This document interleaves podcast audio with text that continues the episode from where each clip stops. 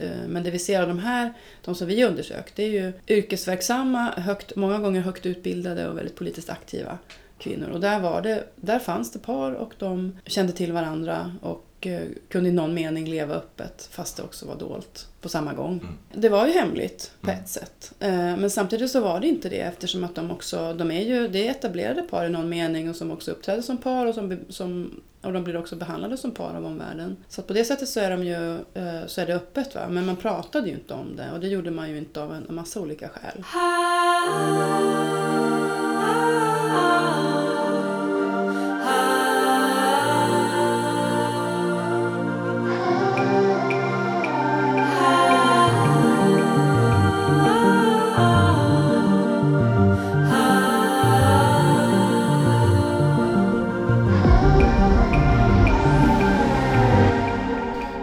Emily Lidebrand och du lyssnar på Queer Story, ett slags samtalsarkiv med olika hbtq-personers erfarenheter och livshistorier. I det här programmet om Hanna, forskare och universitetslektor. Vi pratar om böckerna Undantagsmänniskor och Den kvinnliga tvåsamhetens frirum, om kvinnopar i kvinnorörelsen kring sekelskiftet 1900. Vi pratar om gay-Umeå på 90-talet, hennes första frigörelsevecka, föreningsliv. Vi pratar om hur det är att gå från att vara sexualpolitiskt aktiv till att sen känna sig ganska färdig med just den biten. Vi pratar också om Beth Hennings och Gina Leffler och om hur planen att komma ut i Tyskland fick sig en liten annan vändning. Det här är Queer Story med Hanna Markusson Wikvist. Eh, jag heter Hanna Markusson Winqvist och jag är cis-kvinna och eh, helt okej att säga hon till mig. Eh, jag jobbar som historiker kan man säga rent allmänt sådär, men ska man vara mer precis så får man säga att jag är universitetslektor i historia. Så att jag är alltså lärare i historia och jag forskar också. Och sen har jag olika administrativa uppdrag som rör utbildningsfrågor. Jag har ju varit med och skrivit en lärobok i hbtq-historia som heter Undantagsmänniskor. Den är ju å andra sidan den enda i sitt slag och unik när den kom. Och den kom ju faktiskt för, måste jag tänka efter, ja, tio år sedan i år. Den kom 2008. Sen har vi ju reviderat den första upplagan så det finns ju en, en, senare reviderad utgåva som kom 2015. Men den, den är ju en jättebra ingång om man vill ha en kronologisk översikt på något sätt som är undertiteln till den boken, Undantagsmänniskor, det är ju också att det utblickar i världen så att det är inte helt bara Sverige om man säger utan det finns ju lite grann mer att hämta för den som är intresserad. Fick du några liksom stora aha-upplevelser under tiden ni skrev den? Jag skrev den boken tillsammans med Svante Norrhem som var ju en vän och kollega från Umeå då. Och så Jens Rydström som är ju känd för de flesta som är intresserade just av av homohistoria. Sådär. Jag, jag, ska säga så här, om jag ska vara helt ärlig så tyckte jag det roligaste var att vi tre jobbade ihop med den här boken. För vi hade ju träffar och sådär. Vi träffades ju, delade upp arbetet och ansvarade för olika delar. Och sen så bytte vi texter med varandra så att man, kunde, man fick ju läsa varandras texter och peta i dem och sådär. Och vid den tiden när vi skrev den boken då var jag ju föräldraledig med vårt andra barn så att jag var ju kanske inte den som var mest skärpt just då.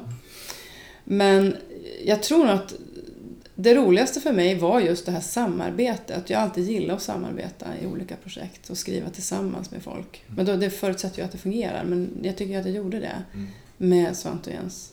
Så det tyckte jag nog var... Men sen så hade vi också där, vi hade ju alla tre undervisat på mindre temakurser och sådär som handlar om sexualitetens historia eller Gay and Lesbian Studies som en kurs som Svante var med och startade i Umeå väldigt tidigt då. Eh, så att vi visste ju att det finns ju, det finns ju kunskap att hämta. Det var väl att vi själva också såg det här behovet av att samla ändå på något sätt och försöka syntetisera det och göra en sammanfattning och i ett svep få, få, få in det i på ett lätt tillgängligt sätt mellan två pärmar. Mm. Ja. Ni skrev det här undantagsmänniskor ja. Och sen så skrev du en till bok efter det? Ja, det, det, har gått ganska många år sedan dess. Men mm. Undantagsmänniskor, den första upplagan och den utgåvan, den gick inte så bra. Vi trodde nog kanske att den var låg rätt i tiden och att den skulle bli, kanske inte en succé, men, men vi blev nog förvånade, både vi och förlaget, över att det inte var så tryck då. Mm. Men eh, sen så såldes rättigheterna till ett annat förlag och så skulle boken stöpas om, tyckte det nya förlaget. Och vi var med på båten för vi tyckte väl också att den äldre versionen var kanske inte så bra som vi hade velat att den skulle vara. Nu fick vi ändå chans att göra om en del och så gjorde vi det. Så jag tycker nog att den första eh, utgåvan, det är inget större fel på den. Men den här andra, då fick vi, jag vet inte om vi lyckades tajta till och koppla ett mycket bättre grepp. För jag tycker den andra är riktigt bra som översikts och lärobok nu då. Mm. Så nu, och nu har ju den, som sagt, det är tre år sedan den kom.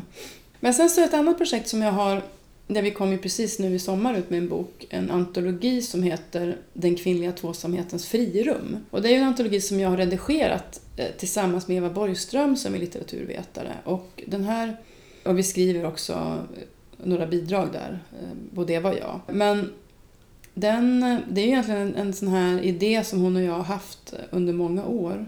Idén till det, det så, alltså det, vi sådde det där fröet redan Ja, alltså det är nog tio, över tio år sedan. Eh, när vi träffades och drack kaffe och käkade lunch och så. Att, men vi har ju gemensamma forskningsintressen. Vi borde ju göra någonting av det någon gång. Och då kände ni inte varandra? Vi kände ju inte varandra sådär jätteväl. Träffas på någon konferens och sådär lite hit och dit. Men eh, jag kände ju väl till Eva eftersom att hon har ju varit på det här fältet sedan 80-talet.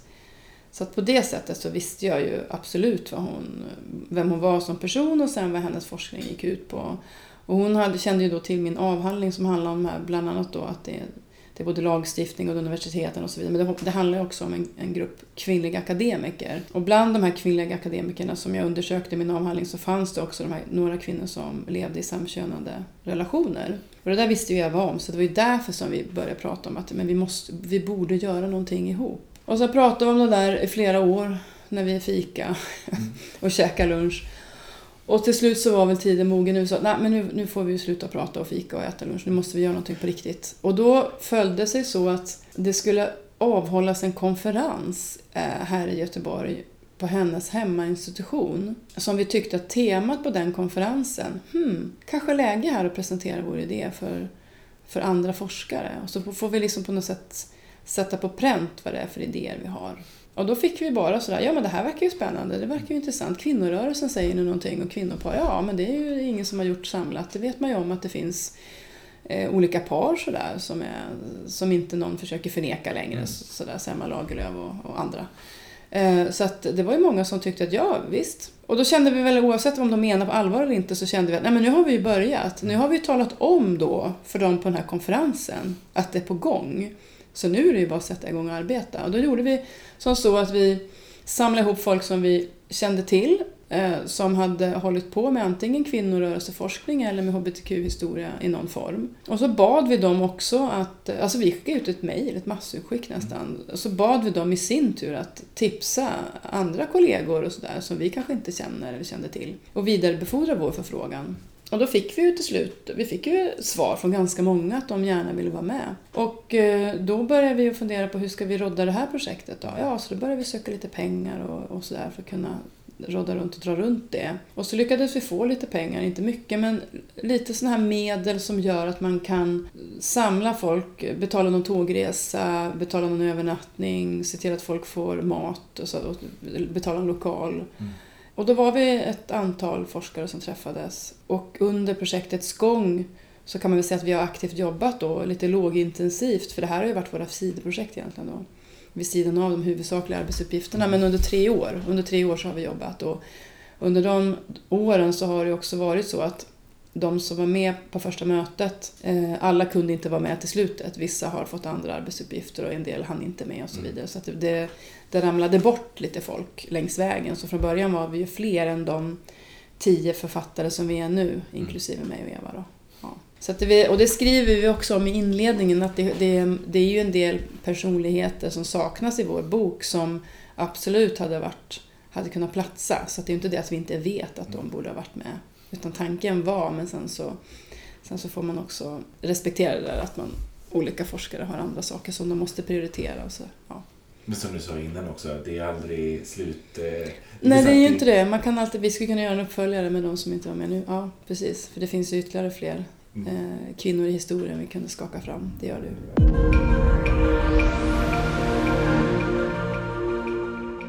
Hur var din uppväxt? Min uppväxt? ja, det var länge sedan.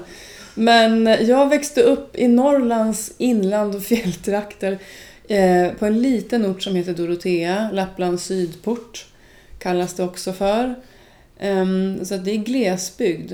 Eh, och ehm, i en familj där vi var tre barn, jag är äldst, jag har en lilla syster och en lillebror. Eh, det var litet, det var på ett sätt tryggt, eh, en hög grad av social kontroll som det blir på små orter, att alla verkligen känner alla. Sen stack ju vår familj ut eftersom att vi är tre adopterade barn. Så vi alla kände ju till oss på det viset och vi syntes ju hela tiden i samhället och, och så. Det var mycket sport, idrott för mig som jag ägnade mig åt mycket. Det var ju, mina huvudsakliga intressen handlade om utförsåkning och spela fotboll och hålla på överhuvudtaget med sånt som hade med, med idrott att göra. Var det så ganska mycket i orten då? Att... Ja, mina kompis, de flesta av mina kompisar höll ju på med någon idrott. Och var det inte utförsåkning så var det ju vanlig, alltså längdlöpning vanlig skidåkning och sen eh, bollsporter i olika former och, och så. Men alla gjorde inte det. Men det var vad jag och de som jag, de flesta av mina kompisar höll på med. Mm. Där bodde jag tills jag var 18 år. Då flyttade jag hemifrån, då flyttade jag till Umeå. Och det var för att jag skulle börja studera. Jag, jag eh, kom in på det som hette ämneslärarlinjen och skulle bli språklärare. Mm. Så då flyttade jag till storstan. Mm. Umeå var ju storstad, det är ju, liksom, det är ju närmare till, det finns ju andra städer som ligger närmare som till exempel Lycksele och Östersund men de är betydligt mycket mindre orter. Så att Umeå var ju verkligen den stora staden, så det var ju en jättestor kontrast. Det fanns ju flerfiliga vägar och trafikljus och så, mm. till exempel. Som, som jag inte var van vid. Farligt att vara ute. Visste du liksom sen innan att du att det var liksom lärare som du skulle vara från början? Ja, fakt ja, lite grann. Jag hade varit inne på det spåret. Jag var ju rätt ung. Jag var ju ett år yngre än mina kamrater när jag gick ut gymnasiet. Men jag hade tänkt på det här med lärare, men det jag egentligen ville bli då, det var antingen eh, jurist eller copywriter. Mm. Jag ville egentligen gå juristlinjen, men på den här tiden så, alltså jag jag hade inte så bra betyg, så jag kom liksom inte in på någonting. Det som nu blev lärarutbildning till slut, jag kom in som reserv. Och då kändes det som att ja, men jag kan lika gärna börja. Jag kan testa och se hur det är. Mm. Men egentligen så vill jag bli jurist eller copywriter. Kan man tycka att det är lite olika saker där. Mm. Men det handlar ju om analys, språk, språkbehandling, lite sånt. Så på det viset så fanns det ändå något gemensamt mellan utbildningsvalen. Jag var ju superung, ja. visst jag var ju yngst, alltid yngst. Mm. Ibland så säger man att det är dumt att börja plugga när man är så ung, när man inte har några erfarenheter. Och det kan jag nog tycka och instämma i faktiskt nu när jag är universitetslärare också, att det händer ju saker när man skaffar sig livserfarenhet. Men för min del så var det ändå så att jag fick träffa så mycket människor som var mycket äldre än mig. Så det var otroligt utbildande, utvecklande och danande det också. Att jag snabbt fick liksom umgås med riktiga vuxna. Hur var liksom universitetslivet? Ja, men jag tror att för mig så var det just det där att jag var så ung och det var så mycket nytt. Det var ju otroligt stressande också. Och eh, osäkert om jag skulle hitta folk att umgås med och om jag skulle hitta någon som kunde bli min kompis. Och... Men jag flyttade in i ett kollektiv, alltså det studentboendet som jag fick var ett kollektiv. Så på det viset så hamnade jag ju ganska tryggt att jag inte behövde känna mig helt ensam, även om jag inte kanske umgicks så jättemycket med alla mina kollektivkamrater. Men jag behövde ju aldrig vara ensam i alla fall. Ja, det var så länge sedan. När är det här? Det här är i slutet av 80-talet. Mm. Ja, så det är ju faktiskt, det är faktiskt i år eh, exakt 30 år sedan som jag flyttade till ah. Umeå. Ja. Jag hade alltid gillat språk och jag hade just att det var tyska som var mitt språk. Det, bakgrunden till det är att jag är uppvuxen med eh, tyska sommarbarn. Mm. Min mamma var väldigt intresserad av tyska. Efter att man hade uppfört Berlinmuren så startade ett projekt där man ville få de, alltså barnen i Västberlin som ju var liksom inringade av muren. Eh, man ville att de skulle få se någonting annat än, än betong, mm höghus och betong. Liksom. Så att då hoppade min mamma på det där projektet och, och eh, mina föräldrar blev då en sån här familj som, kunde, som tog emot då tyska Berlinbarn på sommaren. Och det gjorde de första gången 1972. Då var jag bara två år gammal. Så jag har liksom vuxit upp med tyska barn. Alltså kortare perioder, då, veck några veckor eller två månader på sommaren och sådär. Så därav så kom det här intresset för tyska språket. Då.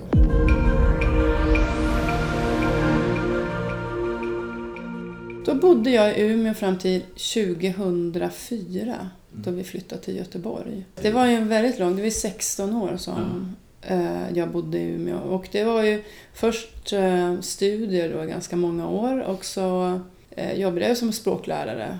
Men jag tog, aldrig, jag tog aldrig ut min examen som ämneslärare i svenska och tyska för att jag liksom, jag fixade inte riktigt det där. Mm. Det var inte riktigt min grej att läsa tyska fullt ut. Även om jag tyckte att det var kul att ha pluggat de här kurserna som jag ändå klarade av. Att vi pluggade i Tyskland också under en termin. Och sen jobbade jag som lärare fast jag då inte var helt behörig. Eh, och då insåg jag att nej, men det här är ju inte min grej. Så jag måste, för att kunna ta examen, då behöver jag kombinera svenska med något annat ämne. Och då så tänkte jag, det mest pragmatiska här det måste ju vara att läsa historia. Och det, så det gjorde jag, inte för att jag var sådär jätteintresserad av historia. Utan jag tänkte, vad, vad är enklast för mig att snabbt få ihop då motsvarande 90 HP idag?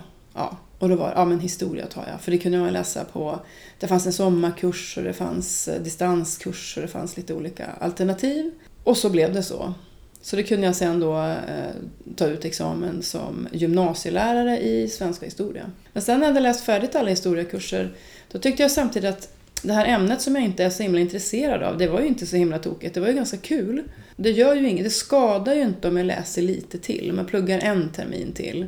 Så att jag tänkte, ja, men jag, jag, jag läser den här D-kursen och ska ta ut en magisterexamen också. Det är ju aldrig fel. Och sen när jag väl hade gjort det, då hamnade jag liksom i, i ett eh, lite vägskäl. Så ska jag söka en fast lärartjänst? Eller är det så att jag helt enkelt ska försöka ta mig in på forskarutbildningen? Och då valde jag det senare. För jag tyckte liksom att historia var det var så mycket mer än jag, hade, vad jag trodde när jag började läsa historia. Hur var liksom Umeå kring den här tiden? Jag minns knappt det, men det, eftersom att jag bodde där ändå ganska många år så kan man väl säga att det var, ju, det var ju väldigt mycket mindre när jag började än när jag flyttade därifrån.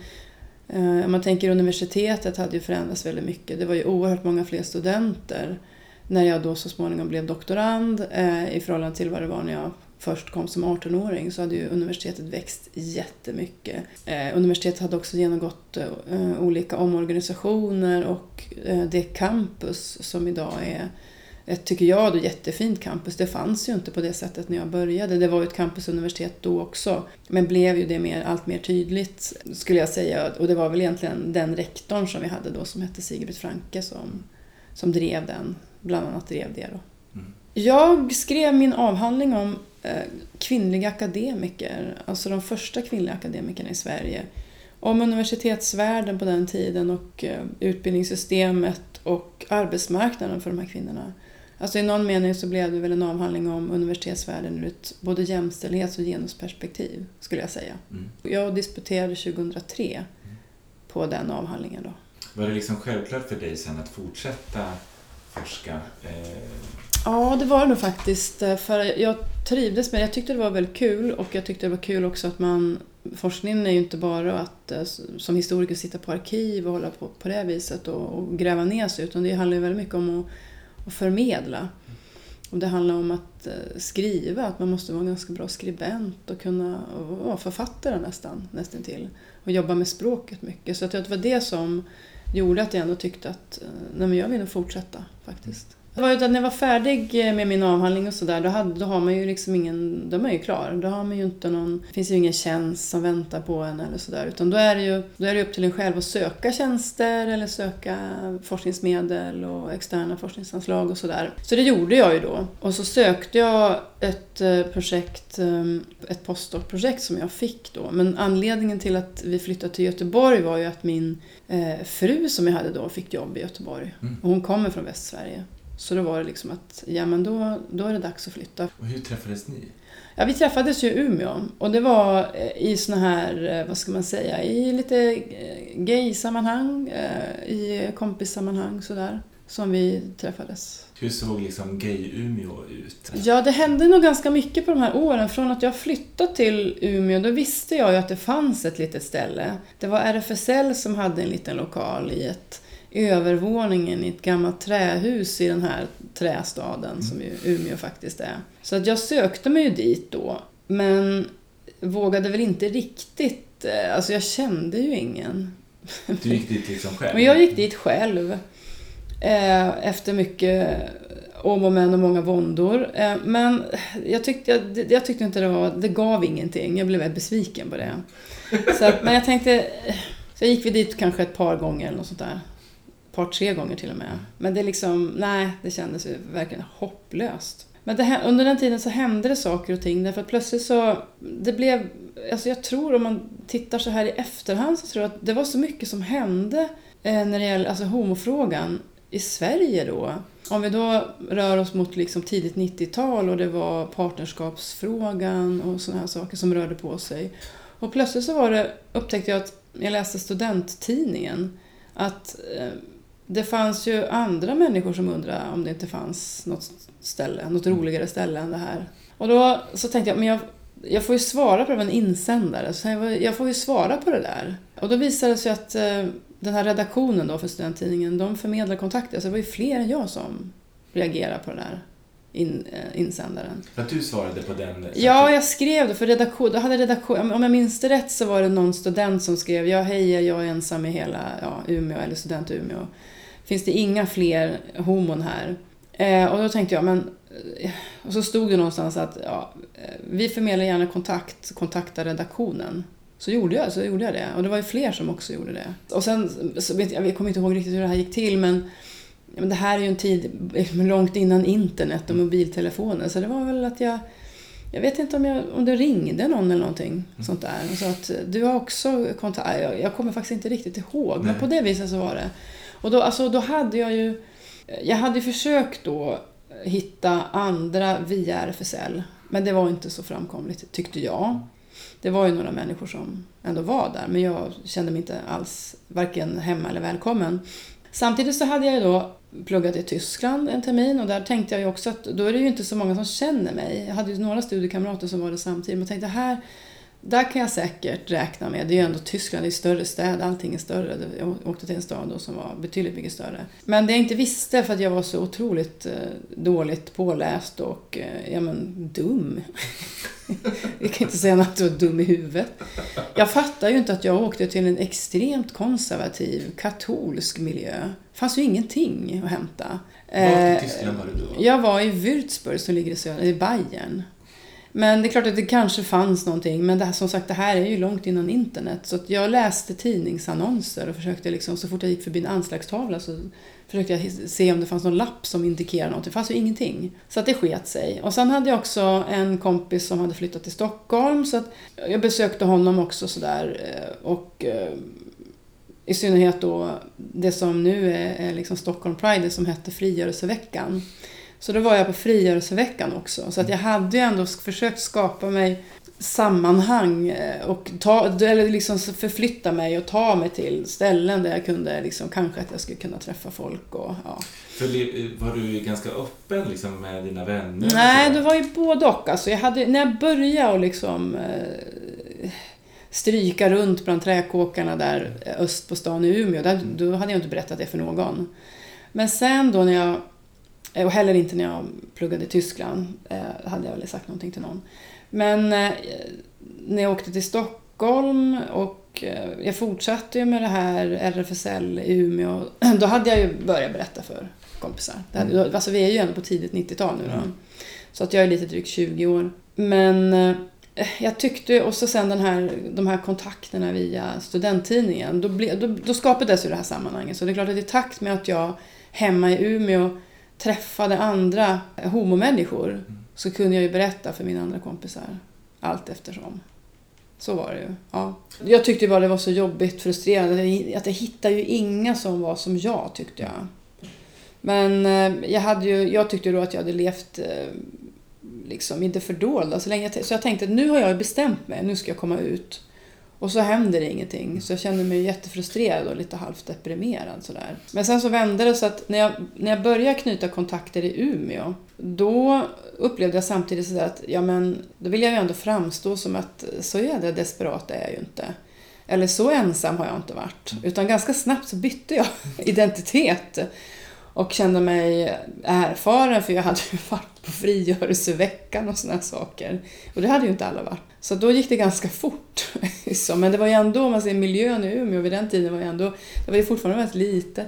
Då startade vi liksom en studentförening, vi som hade fått kontakt med varandra via studenttidningen. Studenttidningen då, jag vet inte om den heter likadant, jag antar om den finns ens, men den hette Vertex mm. i alla fall. det blev den här studentföreningen, den växte ju då och blev liksom större och större. Och vi fick ju ordna med så att man nästan, vi var ju, det var ju bara en sammanslutning av människor men vi drev den till slut nästan som en förening med scheman och fikaträffar och olika typer av aktiviteter och sådär. Och ett system för hur man skulle välkomna nya. Och, ja. Hur många var ni? Ja, det minns jag faktiskt inte alls. Ingen aning. Men vi var, det var väldigt blandat. Det var ju både tjejer och, och killar och blandade åldrar och vi pluggade alla möjliga olika saker. Och jag fortsatte lite grann i studentföreningen efter att jag hade slutat som student, alltså när jag inte var student längre. Mm. Och det var ju för att ehm, ja, vi hade lärt känna varandra och vi, det, var ju, det var flera med mig som också så att formellt inte var studenter men vi fortsatte att umgås i de här i de, i de sammanhangen, i de kretsarna ändå. Och sen så, ja, så blev det väl så att vi var så pass många så att då kunde vi också, inte erövra, men alltså då var vi ju många nya som gick till RFSL, den här mm. alltså, lokalen i det här gamla trähuset. Då blev det lite så att det Ja, visst det hände ju. Jag upplever nog så när man tittar tillbaka 25 år senare att det hände nog väldigt mycket precis de där åren. Och sen var det partnerskapslagstiftningen. Och det blev plötsligt många som ville engagera sig sexualpolitiskt. Och plötsligt så var det ganska många människor som var, människor som var i den här RFSLs lokal som ju hade öppet bara Eh, varje onsdag kväll och sen så var det någon typ av fest varannan lördag. Som, och när jag tittar tillbaka nu så upplever jag det att det, måste, det hände ju otroligt mycket på 90-talet. Eh, och inte bara för att jag gick från 20 till 30 i biologisk ålder utan det var verkligen väldigt mycket som rörde på sig. Och man kunde plötsligt läsa massa saker i tidningarna, precis som du säger, under andra halvan av 90-talet. Det var ju nästan vardagsmat att det fanns. Men perspektiven är ju annorlunda än vad de är mm. idag. Perspektivet var ju ofta det här mer problematiserande, eh, komma ut berättelser och titta här har vi en bög som är jättenormal och titta här har vi två lesbianer, de ska ha barn och mm. sådär. Kolla, det går, de är jättevanliga. Mm. det var det perspektivet mycket. Men ändå, det var en väldig exponering och jag själv var med i många sådana intervjuer också. Eh, sådär. Ja, men det var något helt annat i slutet av 90-talet än i början. Mm. Mm. Men du träffade din, din fru där? Ja, min före detta ska jag säga. Ja, det, före detta, ja vi, träff, vi träffades i Umeå. I mitten av 90-talet då. Men just eh, när du flyttade hit, mm. vad upplevde du liksom homovärlden här i Göteborg? Hur relaterade du till den? Ja, nej, men det är en jättebra fråga för det är ju ändå många, det är ju, som sagt, nu har jag bott i Göteborg ganska länge men när vi flyttade hit då hade jag ju under den tiden i Umeå haft min, hela min så att säga, komma ut-resa. Eh, från att ha levt verkligen i garderoben till att engagera mig så jag blev en sån här som höll på då föreningsliv, och engagerade mig också i RFSL så jag satt med i RFSLs styrelse och jag var på eh, förbundsmötena och eh, uppfattar väl mig själv och identifierar mig som, vad ska man säga, så, ja, sexualpolitiskt aktiv. Fick komma till eh, riksdagen vid ett tillfälle när det skulle vara en hearing inför eh, när frågan om homoadoption skulle upp och sådana saker. Så att jag tyckte ju att jag, jag hade ju verkligen kommit ut ordentligt även offentligt. Alltså att man också liksom eh, får vara med på TV och ställa upp intervjuer för alla möjliga tidningar och så. Mm. Och sen så fick vi barn som min då, mitt, vårt äldsta barns, hans andra mamma födde, födde honom och jag var då medmamma, men så jag adopterade honom. Så vi genomgick en sån homoadoption väldigt på ett tidigt stadium. Som, lagen gick väl igenom 2003 och jag adopterade honom 2003. Mm. Han är född 2002. Sen när vi kom till Göteborg då var jag ju färdig med liksom det här offentliga homolivet tyckte jag. Eller tyckte vi nog. Mm. Så jag brydde mig inte. jag hade liksom hade en plattform, hade familj, jag hade mina vänner och hade liksom inte något behov längre. Och forskningsmässigt så eh, då hade vi inte börjat skriva den här boken Undantagsmänniskor ännu, men jag var liksom inte, det var inte, jag var inte där, utan jag tyckte att jag, nu lever jag helt öppet, så öppet man kan. Det var ungefär som been there, done that. Jag, jag visste ingenting om, ja RFSL finns väl i Göteborg såklart, och det finns de här ställena som man har hört talas om, och det fanns Gretas visste man och Gossip och eller vad det hette. Mm.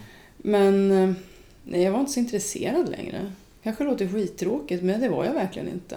Och så fick vi barn nummer två, så man, är ju, man lever ju liksom i sitt familjeliv. Men sen hade vi ju kompisar, vi träffade ju nya människor i Göteborg och då träffade vi folk då som också levde liksom i någon slags regnbågsfamiljer och med barn och sådär.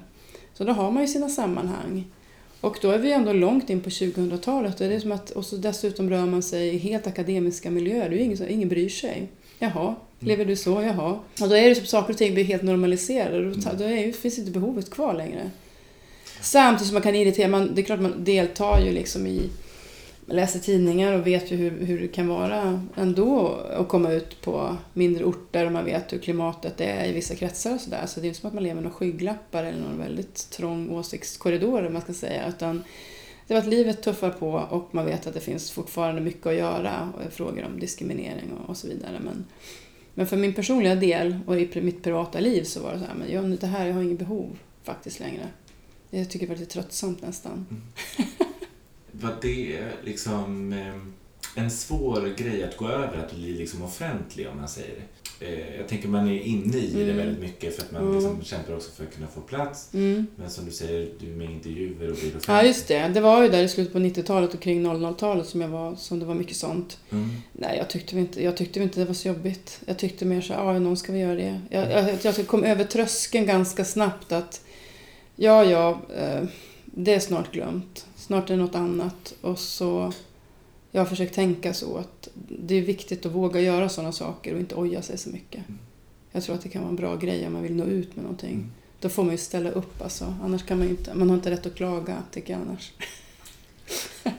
ja, det är klart att jag är nojig jag också men jag tycker det känns viktigt även nu idag när man pratar om forskning. Det finns, om det ringer någon journalist som vill göra en intervju om någonting då kan jag uppleva det, men vad fasen, säg ja. Mm. Ställ upp på det. Vem ska annars? Säg ja, sen är det glömt. Sen, sen är det någon annan som de frågar nästa dag. Så där. Och då nöter man ner tröskeln och så blir man lite van vid det där och det är inte så farligt. Eh, för jag tror att det är viktigt att det, att det är många som vågar vara med och, och ta plats och ta lite debatt och ta lite utrymme. Nu är inte jag någon sån som har någon hög svansföring och deltar i den politiska debatten och på, på det viset för en kamp för humanistisk eller human, forskning och humaniora och sådär. Men, men i det lilla så känner jag det att säg hellre ja än nej när det kommer förfrågningar. Om det ändå är sånt som det är ditt område. Ja. Det tar ju bort lite av pressen också. Ja. Nu måste jag vara perfekt. Ja, det finns en terapeutisk dimension. Jag tycker det. Ju fler gånger jag har sagt jag har varit med, desto lättare är det nästa gång att släppa. Även om man känner efteråt att jävlar, vad fan sa jag? Mm. Nej, sen är det glömt. Mm. Nej, annars, risken är ju annars att det är bara de som, som har liksom extremt stora egon som tar plats. Mm. Och det blir väldigt dålig spegling av saker och ting då, tänker jag. Verkligen. Eh, och bodde dina föräldrar kvar då i Dorotea? Ja, in, alltså, eh, det gjorde de inte. Min pappa bodde kvar i inlandet, men min mamma hade flyttat. Och hur liksom påverkade det er relation någonting om att, det, att du blev liksom offentlig och att du kom ut på det sättet? Ja, just Nej, det, det hade nog, de nog inte några större problem med eller liksom synpunkter på. Jag var ju liksom etablerad och hade jobb och sambo och så här. Så att jag var, levde ju verkligen så inrutat mm. medelklassigt liv. Eh, eller vad man ska säga. Nej, så det, det har jag inget minne av faktiskt. Men mina föräldrar kanske har en annan minnesbild. Men som jag kommer ihåg det så hade de inte några synpunkter på att jag syntes i någon tidning hit eller dit. Utan det, jag vet ju inte vad de fick höra av sina vänner och bekanta och andra släktingar. Det vet jag faktiskt inte. Jag tror att de tyckte att det var kul. Jag var också med i TV några, några tillfällen. Jag tror att de tyckte det var roligt. Mm. jag hoppas det. Hur var frigörelseveckan under den här tiden? Vad minns du? Ja, precis. Nej, jag vet inte hur det var. Jag minns ju bara hur jag själv upplevde det. Jag upplevde det som en fri, frigörande men också ångestframkallande. Det är ju ganska länge sedan nu inser jag. Men frigörelseveckan hade ju funnits betydligt längre än så. Jag började åka på den på tidigt 90-tal. Men jag, eh, det, det frigörande var ju ändå liksom att eh, det hände grejer som jag inte hade varit med om förut. Mm. Och det var ju ändå ganska många människor. Dock inte att jämföra med Pride idag. Det är ju liksom isvida skillnader. Men det ångestframkallande var ju så här att jag tyckte också att det var liksom lite trångt och lite snävt sådär. Att jag tyckte inte att det fanns någon som var som jag. Mm. Så det blev ju inte riktigt den här revolutionen av mitt liv som jag trodde det skulle leda till. Kanske. Nej, det var ett rum som ja. kunde påminnas om men som inte riktigt var... Nej, det tog lite tid innan jag insåg att jag hade kanske tittat lite snävt också. Mm. Sådär. Ja. Minns du något särskilt tillfälle liksom, när, du, när du kände... Ja, jag tyckte det var, det var ett tillfälle var fruktansvärt. Ja, det var en fest på Björngårdsvillan heter det väl va? Nej, inte, nej, inte Björn. Det är Göteborg. Vi får börja om för jättedumt. Vad heter det? Jo, Björns trädgård heter Ja, det. mm. ja, jag tror att det var en fest där. Mm. Och då hade jag med mig en kompis som inte är bög. Men jag satt som en panelhöna och vågade inte röra mig ur fläcken på hela kvällen. Medan han hade jätteroligt. Vad, jobb, vad jobbigt Ja, det var fruktansvärt traumatiskt. Man, det är mitt område det här. Det är det här min... Han min hade, han hade skitkul. Hur slutar det kvällen? Ja, vi åkte väl hem. Jag var sur. Det kan vara så att det var flest bögar som var på festen också, jag vet inte. Jag tror att Mia Lodalen var där. Okej. Ja, det var, eller tror jag är ganska säker på att det var på det, vid det tillfället. Så det var väl min behållning. Visste du vem det var? Ja, oh ja det visste jag. Mm. Ja. Så var det. Och minns du något, eh, här, något liksom positiv situation kring, kring frigörelseveckorna? Nej men det var väl att titta på det lilla tåget ändå som gick. Jag gick Mm. inte själv då i tåget, men jag tittade på. Och det tyckte jag ändå var rätt så häftigt. Mm. Det var ju lite folk som gick, men det var ju inte jättemånga som tittade. Jag kan inte komma ihåg att det var... Det var ju inte klang och jubel precis. Men jag minns ju inte att det var obehagligt på något sätt eller så. Är det inte den här liksom rader av folk Nej, vid, vid nej det var det verkligen Nej. inte. Nej. inte som jag minns det. Jag kan ju minnas fel.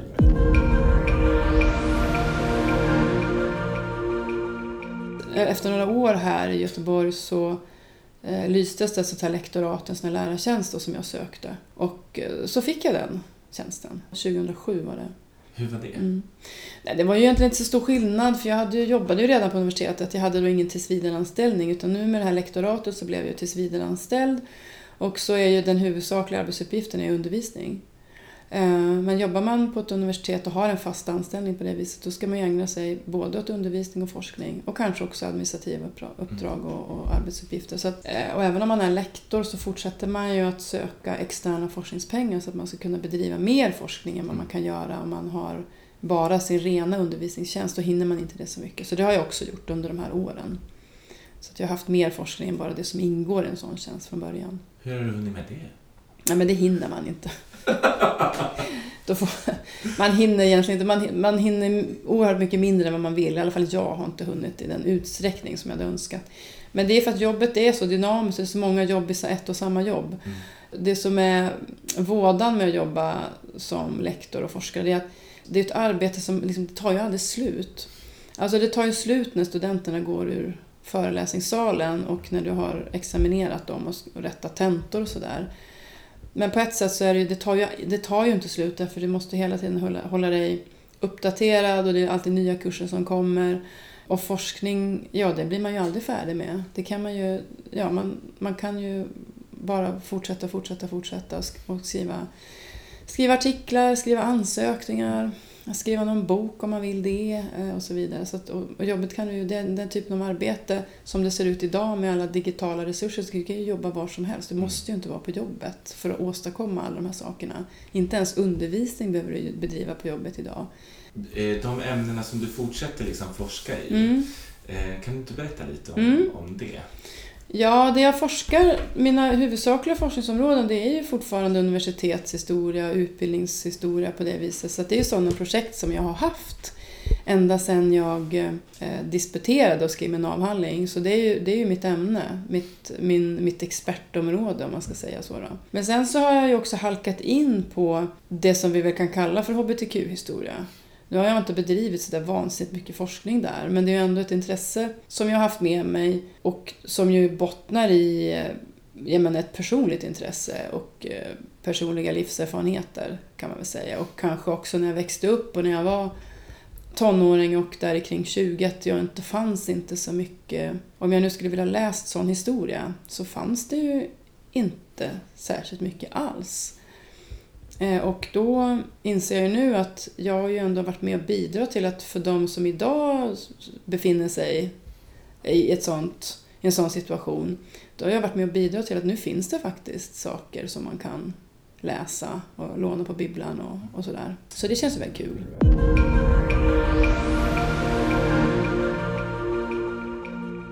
Den här boken då, den heter eh, Den kvinnliga tvåsamhetens frirum, kvinnopar i kvinnorörelsen.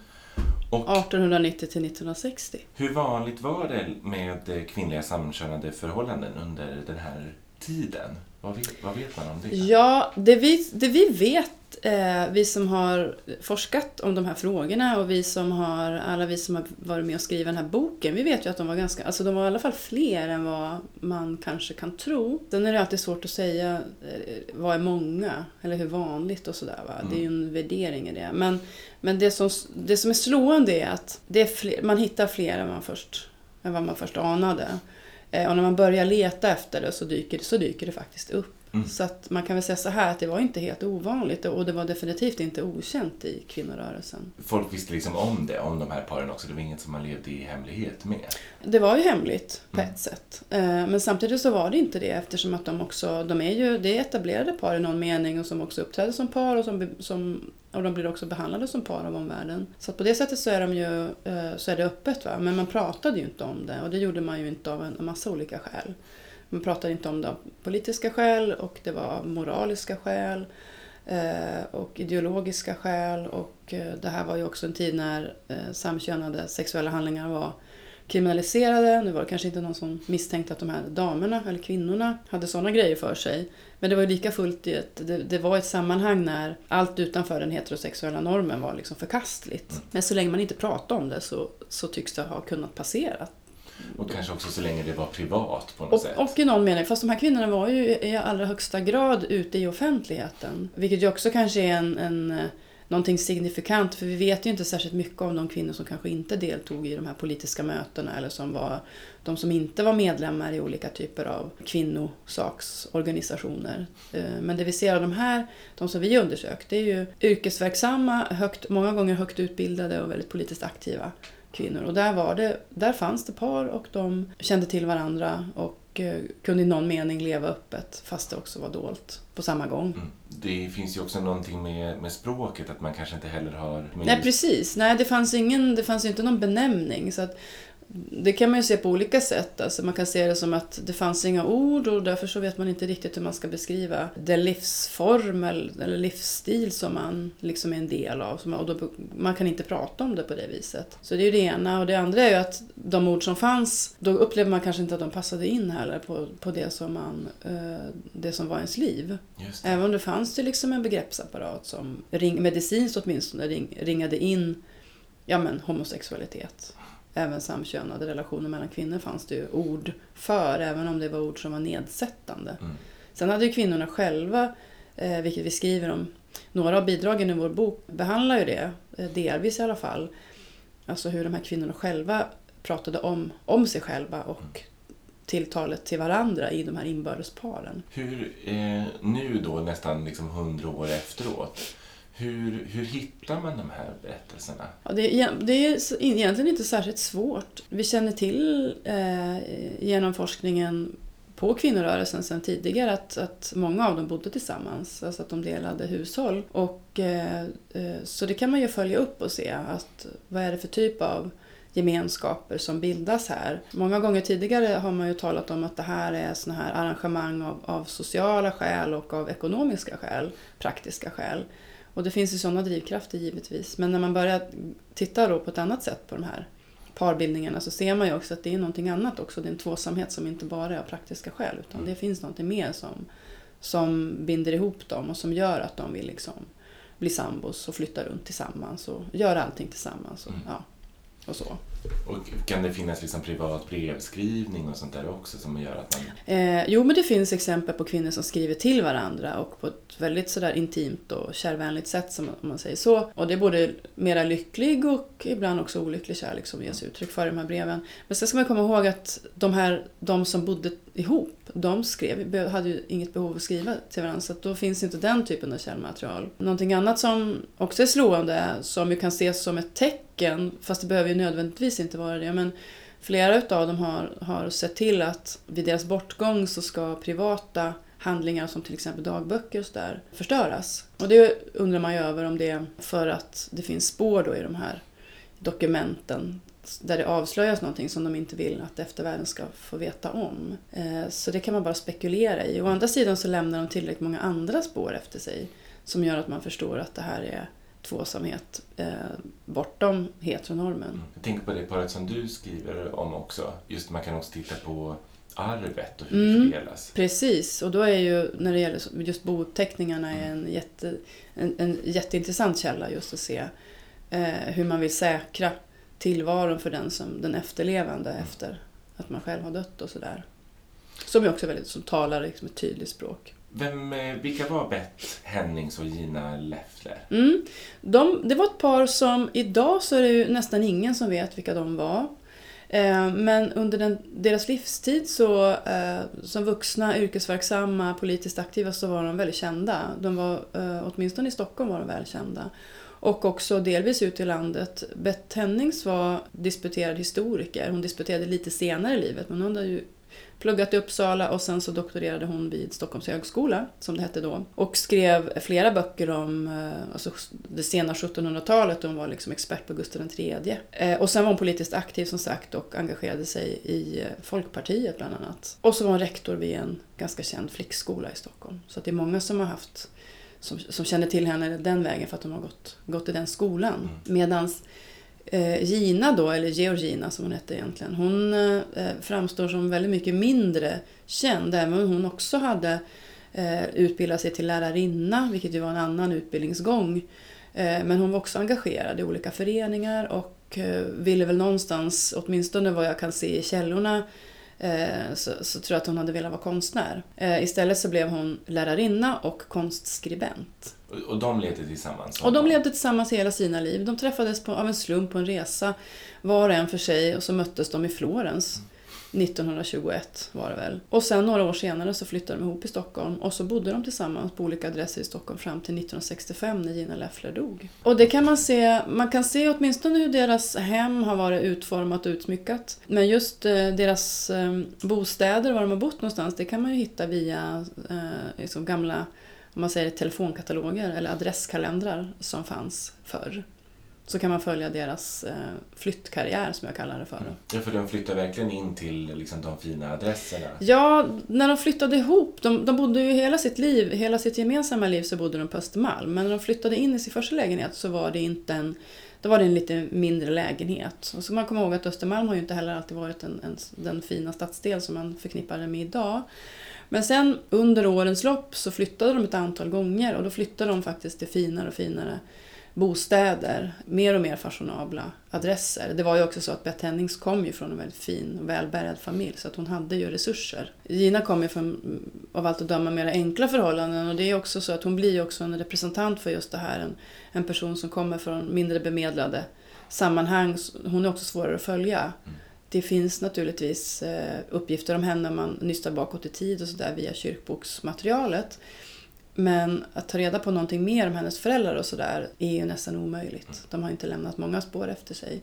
Men hon kommer ju från mera enkla omständigheter och eh, är ju den som gör en, en ganska ordentlig klassresa kan man väl säga. Då. Disputera som, som kvinnlig akademiker vid den här tiden, eh, hur vanligt är det? Det var inte särskilt vanligt alls. Eh, Beth Hennings disputerade 1935 och Eh, fram till dess så fanns det ett antal kvinnor som hade uppnått doktorsgrad som det hette. Universiteten öppnade ju i slutet av, alltså på 1870-talet i Sverige för kvinnor. Och eh, det dröjde tio år innan den första kvinnan doktorerade och det, och det, var Ellen Fries som var historiker som gjorde det 1883. Och sen följde det kvinnor i hennes spår med jämna mellanrum inom olika ämnesfält. Nu kommer jag inte ihåg exakt antal fram till 1935 men om man räknar 1900-talets första hälft så utgjorde de kvinnliga doktorerna ungefär en procent utav alla doktorerade. Så då förstår man ju att de inte var så många för att vid den här tiden så var det överlag inte så många som doktorerade om man jämför med idag. Jag tycker man ska läsa hela boken för att de här paren som vi samlar där och det handlar inte bara om par och det är också sådana som bryter liksom tvåsamhetsnormer faktiskt också delvis. Eh, det är ju att det är en sån det är så komplext det här. Det finns många gemensamma drag men det är också mycket som liksom sticker ut åt olika håll och det är det som gör det så spännande. På vilket sätt sticker det ut? Ja men just det här att det är några stycken som faktiskt bryter den här tvåsamhetsnormen. Att det inte är självklart. Eh, att det är liksom det monogama som är normen för alla i det här sammanhanget. Men sen också att de kommer från, de representerar lite olika saker, de har lite olika bakgrunder. Även om det också är slående hur nätverken eh, knyter ihop dem, att många av de här som var samtida i alla fall, de kände ju varandra och hade träffats, träffades liksom socialt och på olika sätt. Och kände varandra också rätt så väl. Mm. Vissa av dem. Så att jag kan väl säga att det par som jag beskriver, de, det finns två andra par som är ganska lika. Mm. Eh, både när det gäller bak, deras bakgrund, ålder, och klass och vad de gjorde för någonting i liksom kvinnokampen. Men sen har vi skrivit dem på rätt olika sätt bero- beroende på källmaterialet. Så har vi ju, och beroende på delvis också vilka de var som personer, som individer. Och kanske också beroende på vem som skriver. Ja, också. såklart så att författaren, olika- forskaren, författaren har som en egen stil, givetvis. Men det kan jag ju se att det är ändå tre par som man kan säga. Man kan klumpa ihop dem och där kan man se gemensamma drag om man bara ser så kunskapsmässigt om historia. Mm. Så ser man, ah, ja, här finns ett, en kategori, det är tre par här som liksom representerar den sorten. Vad, är- vad är det för liksom... Ja, men då är det mitt par, de som jag skriver om. Och sen är det ett par som, det, en läkare och lärare som de heter, eh, Sveriges första kvinnliga läkare. Eh, eller Sveriges första kvinnliga läkare som var utbildad i Sverige, ska jag säga. Carolina Widerström och hennes livskamrat som heter Maria Aspman. De gjorde väldigt mycket på liksom kvinnohälsoområdet kan man säga. Sexualupplysning var ju förbjudet eh, under ett antal år. Men, men på det fältet så gjorde de stora insatser. Och eh, Carolina Widerström var ju också akademiskt utbildad. Mm. Sen är det en historiker som heter Irene Andersson som har skrivit om Eva Andén och Lisa Ekdahl. Och Eva Andén hade, hon var advokat och eh, hade pluggat juridik. De, eh, och hon hade den, det var den första liksom, eh, by, advokatbyrån då, som en som kvinna hade. Och de, de höll bara på med sådana frågor som relaterade till alltså familj och, och kvinnors rättigheter och så. Mm. Och så i den meningen så det här just med att ha hög utbildning och ha liksom en väldigt tydlig inriktning på sin gärning, vad man ska säga, så liknar de ju varandra. Och de kände ju varandra alla de här också. Mm. Jag gissar att de liksom, måste ha varit så mycket kompis att de verkligen kunde vara öppna Ja.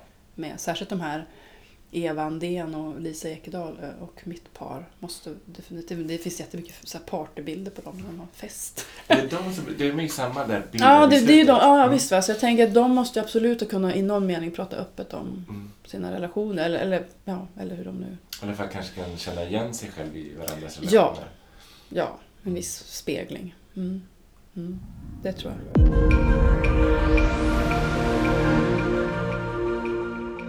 Sen tänkte jag, du var lite inne på det, för du berättade om att, att den här frågan som jag skickade ut, som du skulle Ja, just det, just det, just det. Du var inne lite på Tyskland. Ja, men, visst, eh, precis. Det var ju inte så mycket mer än så, utan det var verkligen... Jag kom dit och tänkte nu ska mitt liv ta en ny riktning. Jag kommer till en stor stad.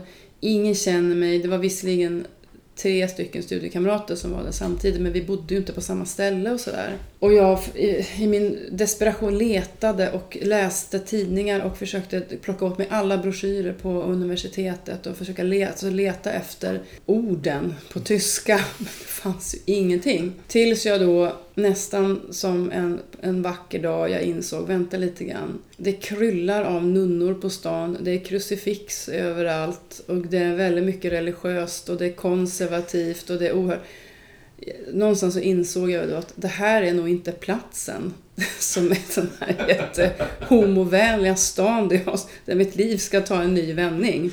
Minns du liksom på något sätt polletten trillade Ja, nej inte riktigt så, men det, jag, när, jag, när jag kom hem så kom jag hem med den känslan. Men hur kunde jag vara så dum så jag kunde tro att det här skulle vara det tillfället? Helt fel. På samma sätt som jag insåg att mina samtidshistoriska kunskaper är ju så jädra dåliga. Fast det här är ju ganska långt innan jag läste, började plugga historia. Men jag fattar inte varför det var så mycket amerikanska soldater som jag kunde se. Och amerikanska människor som pratade amerikanska engelska. Och, och hade liksom amerikanska flaggan med sig och på sig. Och så där. Begrep inte jag. Det fattar jag först liksom i efterhand också. Mm. Ha, jag, har varit i Väst, jag har varit i Västtyskland. Jag har varit i en stad i Västtyskland. Jag har varit i den amerikanska zonen efter andra världskriget. Så det var två sådana grejer när jag kom hem och insåg man, hur dum får man vara? Men jag var ju inte så gammal. Jag var 20-21. Det är ganska fint att tänka, tänker jag. Jag brukar berätta det för mina studenter. Jag, för när jag undervisar i grundkurser så undervisar jag på 1900-talets historia av olika aspekter. Och då brukar jag dra det där när man ska prata om kalla kriget just. Att när jag var i den åldern och bodde i Tyskland så, ja, en del tycker det är roligt. Vissa förstår inte poängen. Jag var ju stressad över också att bo ensam under en termin mm. i ett annat land, liksom långt hemifrån. Jag visste att jag kommer inte åka hem en enda gång för jag bodde ju i Norrland, så det var ju väldigt långt hem. Men det var ju samtidigt det här, wow, nu ingen, jag kan vara helt mig själv anonymt. Ja. Men visste du då eh, innan, alltså hur du identifierade dig själv? Ja, men det hade jag vetat länge. Mm. Jo då. det hade jag ju vetat sen jag, alltså jag visste det ju, jag, jag kunde sätta ord på det, jag hade ju liksom en eh, förståelse för och insikt i vad det var. Då var jag väl kanske 12-13. Mm. Det jag ändå förstod. Alltså innan så hade jag ju sådana känslor men jag visste ju inte vad det var. Så då var det ju inget problem.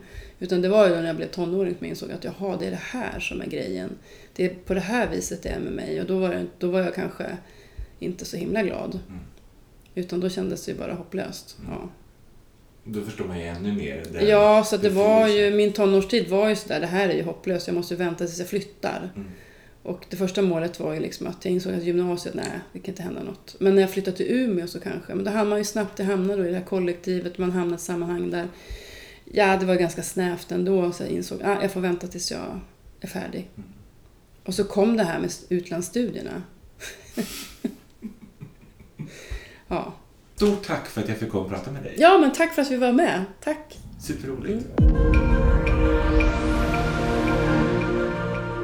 Musiken är gjord av Ilon Weide och Anna Nordenström. Grafiken av Michael Hammenfeldt. Jag heter Palme Rydbrant. Tack snälla för att ni har lyssnat.